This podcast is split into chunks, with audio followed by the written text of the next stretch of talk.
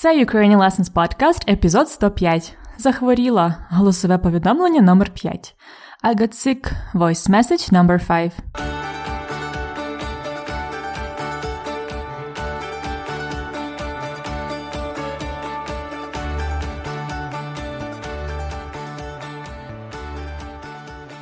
Вітаю, це Анна, ваша вчителька української, і ви слухаєте 105-й епізод подкасту Уроки української.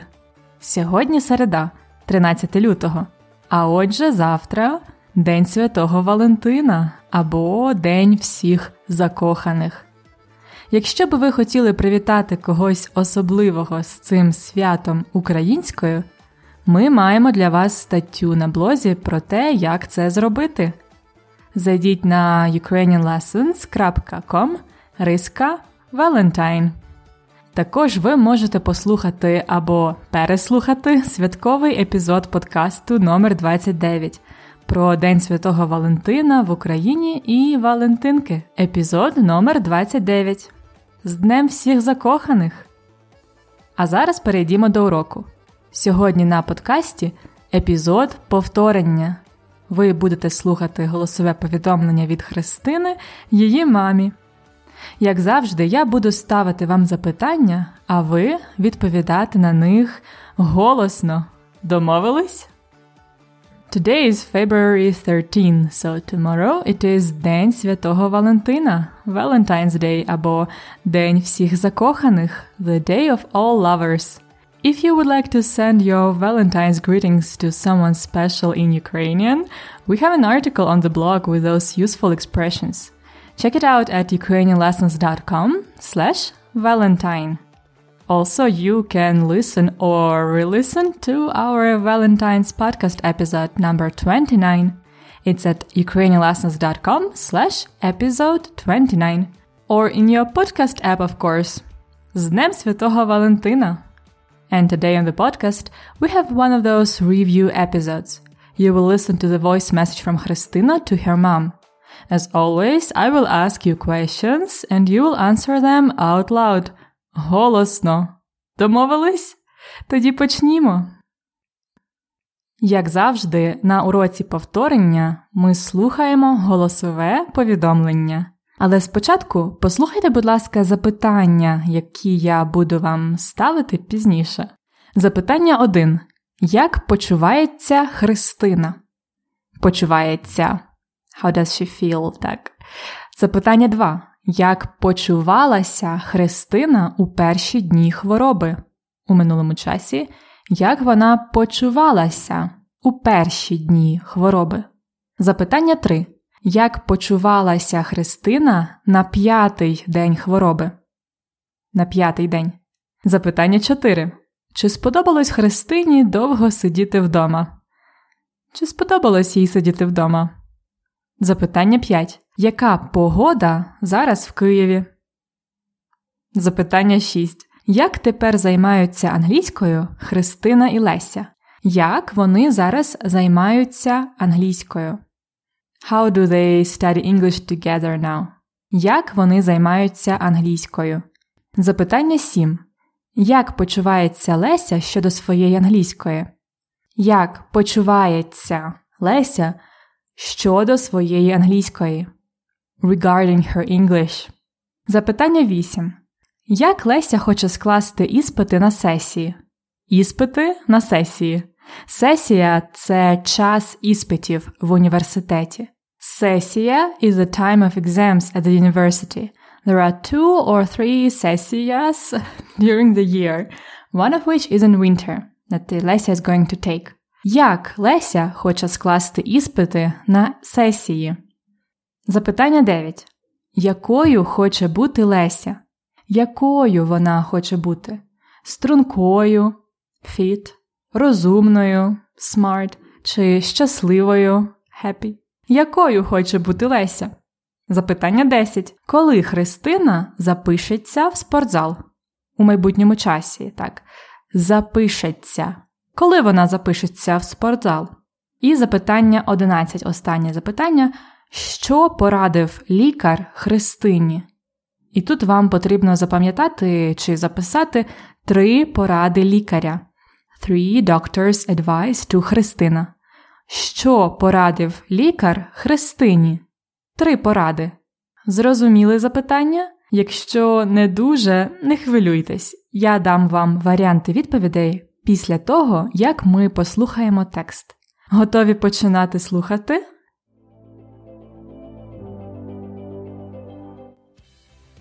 Привіт, матусю! Як твоє здоров'я? Мені вже набагато краще. Епідемія грипу в Україні минула. Карантин закінчився, і я вийшла на роботу.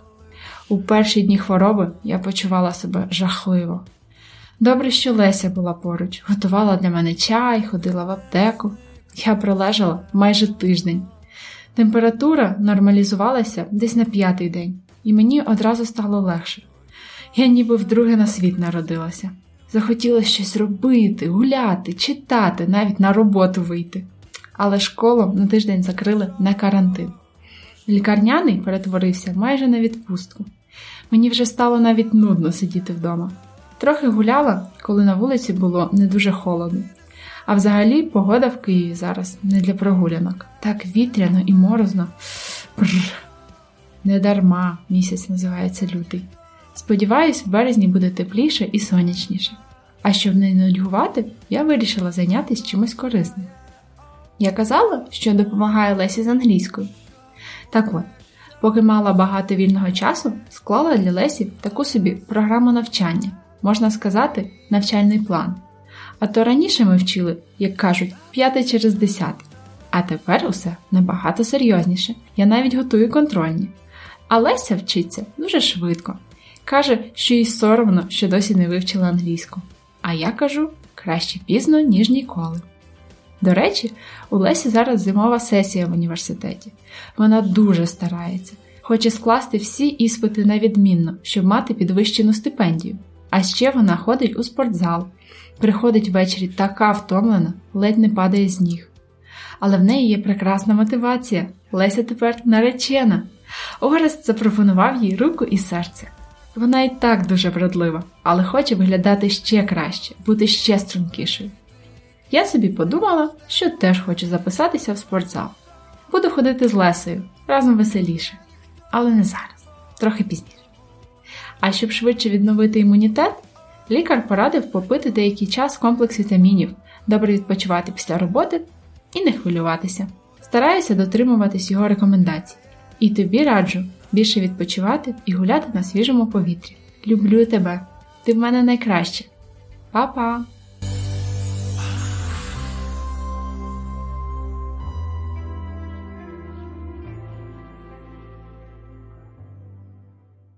Ось таке голосове повідомлення сьогодні. Як добре, що Христина нарешті одужала. Здається, у неї тепер все добре. А зараз перейдімо до запитань. Я буду давати вам варіанти відповідей і також вільне місце, щоб ви могли подумати. Готові? Запитання 1. Як почувається Христина? Краще, гірше чи так само? Як почувається Христина? Вона почувається краще, набагато краще. Much better. Епідемія грипу в Україні минула. The epidemics of uh, flu in Ukraine has passed, і карантин закінчився. And the quarantine has finished too. І Христина почувається набагато краще. Запитання 2. Як почувалася Христина у перші дні хвороби? Нормально, погано чи жахливо? Як вона почувалася у перші дні хвороби? Правильна відповідь жахливо. Вона пролежала майже тиждень. She's been laying down for almost a week. Вона почувалася жахливо. Запитання 3. На п'ятий день хвороби Христині стало гірше, важче чи легше? Як е, було на п'ятий день хвороби? На п'ятий день хвороби Христині стало легше. Easier or better again. Легше. Вона ніби вдруге на світ народилася. Їй захотілося щось робити, гуляти, читати, навіть на роботу вийти. Але школу на тиждень закрили на карантин. The school was closed for quarantine. Запитання 4. Чи сподобалось Христині довго сидіти вдома? Так, їй було весело, чи ні, їй було нудно? Чи сподобалось їй сидіти вдома? Ні, не сподобалось. Їй було нудно. Її лікарняний перетворився майже на відпустку. Her sick leave has become almost a vacation. Лікарняний перетворився майже на відпустку. Але їй це не подобалось, їй було нудно. Запитання 5.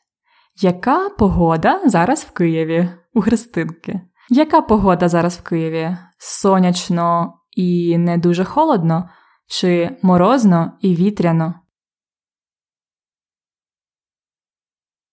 То яка погода зараз в Києві? Зараз морозно і вітряно. Морозно frosty, there is a minus degree centigrade, і вітряно windy. Христина дуже сподівається, що у березні буде тепліше і сонячніше. Warmer and more sunny. Вона сподівається, що в березні буде тепліше і сонячніше. Запитання 6. Як тепер займаються англійською Христина і Леся? Швидше чи серйозніше? Як вони займаються англійською? Як вони займаються англійською? Вони тепер займаються серйозніше. More serious. Поки Христина мала багато вільного часу, вона склала для Лесі програму навчання The Program for Studies. Можна сказати, навчальний план Study Plan. Тепер вони займаються англійською серйозніше. Запитання 7. Як почувається Леся щодо своєї англійської? Впевнено чи соромно? То як почувається Леся щодо своєї англійської? Їй соромно. She is ashamed. Їй соромно, що вона не вивчала англійську раніше. А Христина каже краще пізно, ніж ніколи. Запитання 8. Як Леся хоче скласти іспити на сесії? Добре чи відмінно?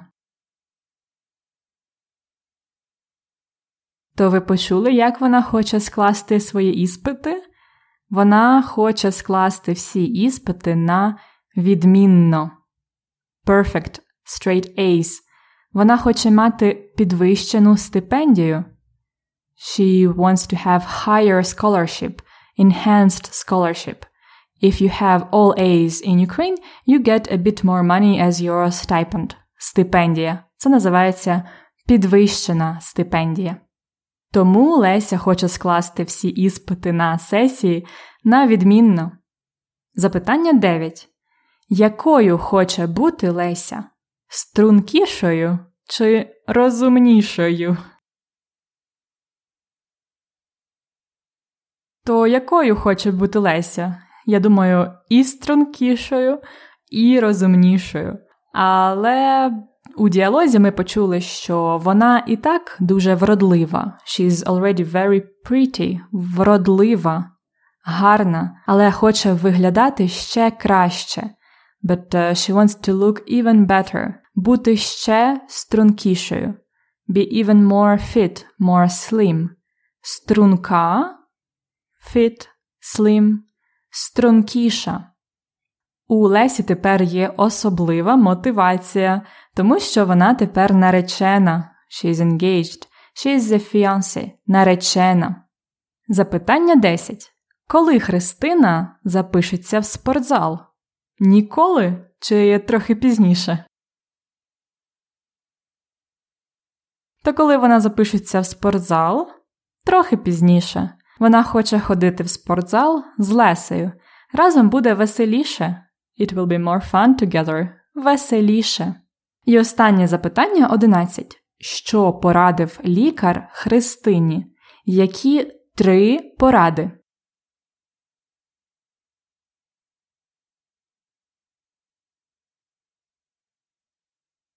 То які три поради дав лікар Христині? Номер 1.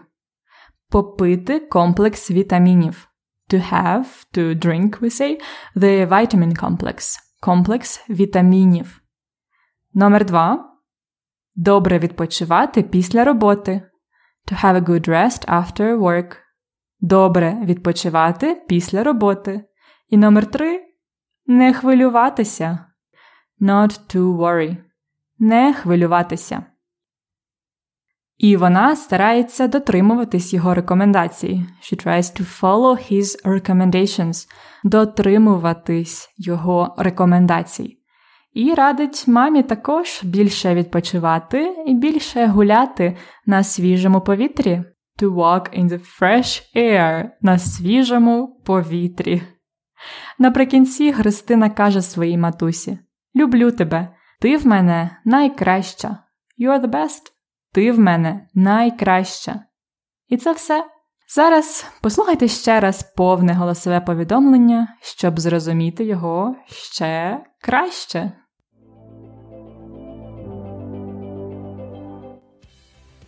Привіт, матусю! Як твоє здоров'я? Мені вже набагато краще. Епідемія грипу в Україні минула. Карантин закінчився, і я вийшла на роботу. У перші дні хвороби я почувала себе жахливо. Добре, що Леся була поруч, готувала для мене чай, ходила в аптеку. Я пролежала майже тиждень. Температура нормалізувалася десь на п'ятий день, і мені одразу стало легше. Я ніби вдруге на світ народилася. Захотілося щось робити, гуляти, читати, навіть на роботу вийти. Але школу на тиждень закрили на карантин. Лікарняний перетворився майже на відпустку. Мені вже стало навіть нудно сидіти вдома. Трохи гуляла, коли на вулиці було не дуже холодно. А взагалі погода в Києві зараз не для прогулянок. Так вітряно і морозно. Бррр. Недарма місяць називається лютий. Сподіваюсь, в березні буде тепліше і сонячніше. А щоб не нудьгувати, я вирішила зайнятися чимось корисним. Я казала, що допомагаю Лесі з англійською.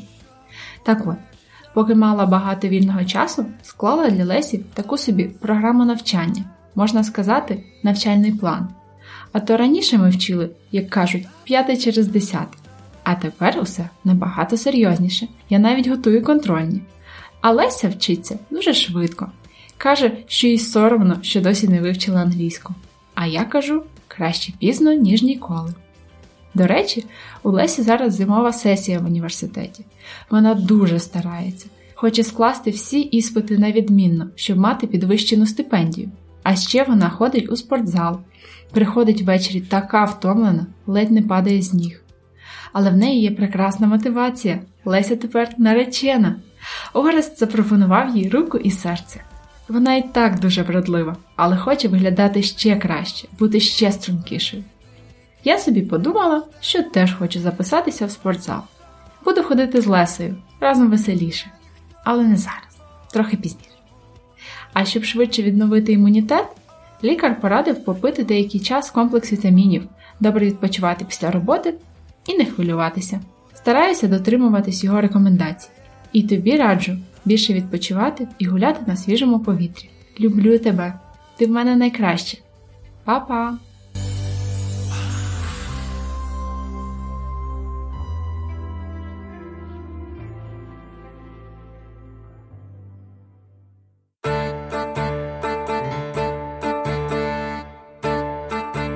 Дієслово дня. Послухайте уривок повідомлення з дієсловом дня. Мені вже набагато краще. Епідемія грипу в Україні минула. Христина каже: Мені вже набагато краще. Епідемія грипу в Україні минула. The epidemic of flu in Ukraine has passed, has come to an end. Минула. Дієслово дня минати. Perfective form минути. Минати означає to pass, to leave behind. Наприклад, ми минули село і побачили місто, або ми проїхали село і побачили місто. Also, it can mean to escape, to avoid. Ніхто не може минути смерті, або оминути смерті. No one can avoid death. Минути смерті. Також минути означає to go, to pass about time again. Минуло багато часу з тих пір, як ми не бачились, або пройшло багато часу. Минуло багато часу, пройшло багато часу. And at last минути can mean also to come to an end, like хвороба Христини минула, або пройшла, закінчилась. Так само карантин минув, і так само епідемія грипу минула. У теперішньому часі ми рідко вживаємо це слово. Іноді я минаю, ти минаєш, він минає перша дієвідміна. Частіше ми використовуємо дієслово минути, звісно, у минулому часі. У минулому часі, в доконаному виді, він минув або час минув, вона минула або хвороба минула, ми минули. І також в майбутньому часі в доконаному виді. Як буде минути в майбутньому часі? Я мину, мину. Ти минеш. Він мине. Наприклад, коли мине сесія, Леся буде багато відпочивати. Коли мине сесія, Леся буде багато відпочивати. When the exams are over, Леся will be having a lot of rest. Коли мине сесія або коли закінчиться сесія. А що ви будете робити, коли мине зима?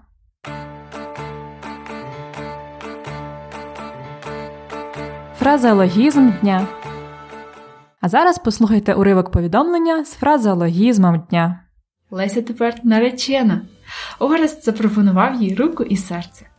Леся тепер наречена. Орест запропонував їй руку і серце.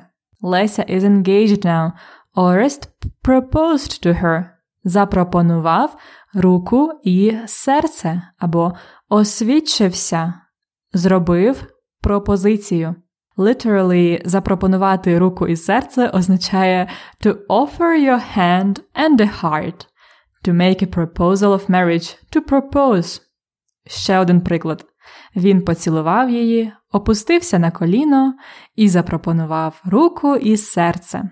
He kissed her, got down on a knee and made a proposal of marriage. Як романтично!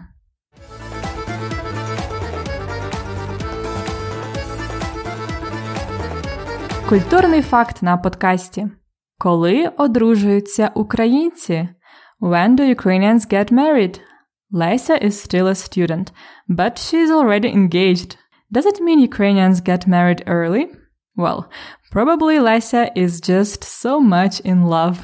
By the recent statistics, Ukrainians do not get married early anymore. They did it in the past though. Let's compare.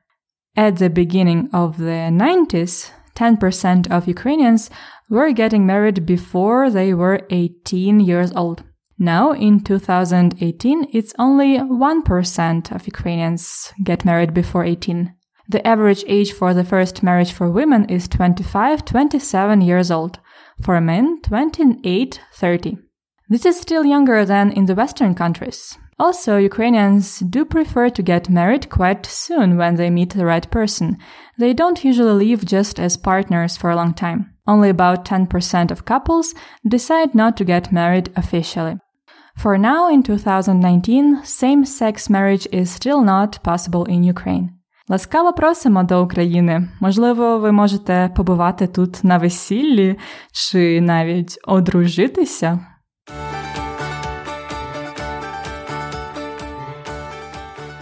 І на цьому закінчується ще один епізод подкасту Уроки української. Сьогодні ми повторили слова, фразологізми і тему прислівників. А ще більше практики для повторення ви можете знайти у конспекті сьогоднішнього уроку. Find more practice to review the vocabulary, idioms, and grammar topics in the lesson notes of the today's episode. There is a transcript and translation of the voice message there too. Still not receiving our extra materials? Become a premium member to receive the lesson notes to each of the ULP episodes.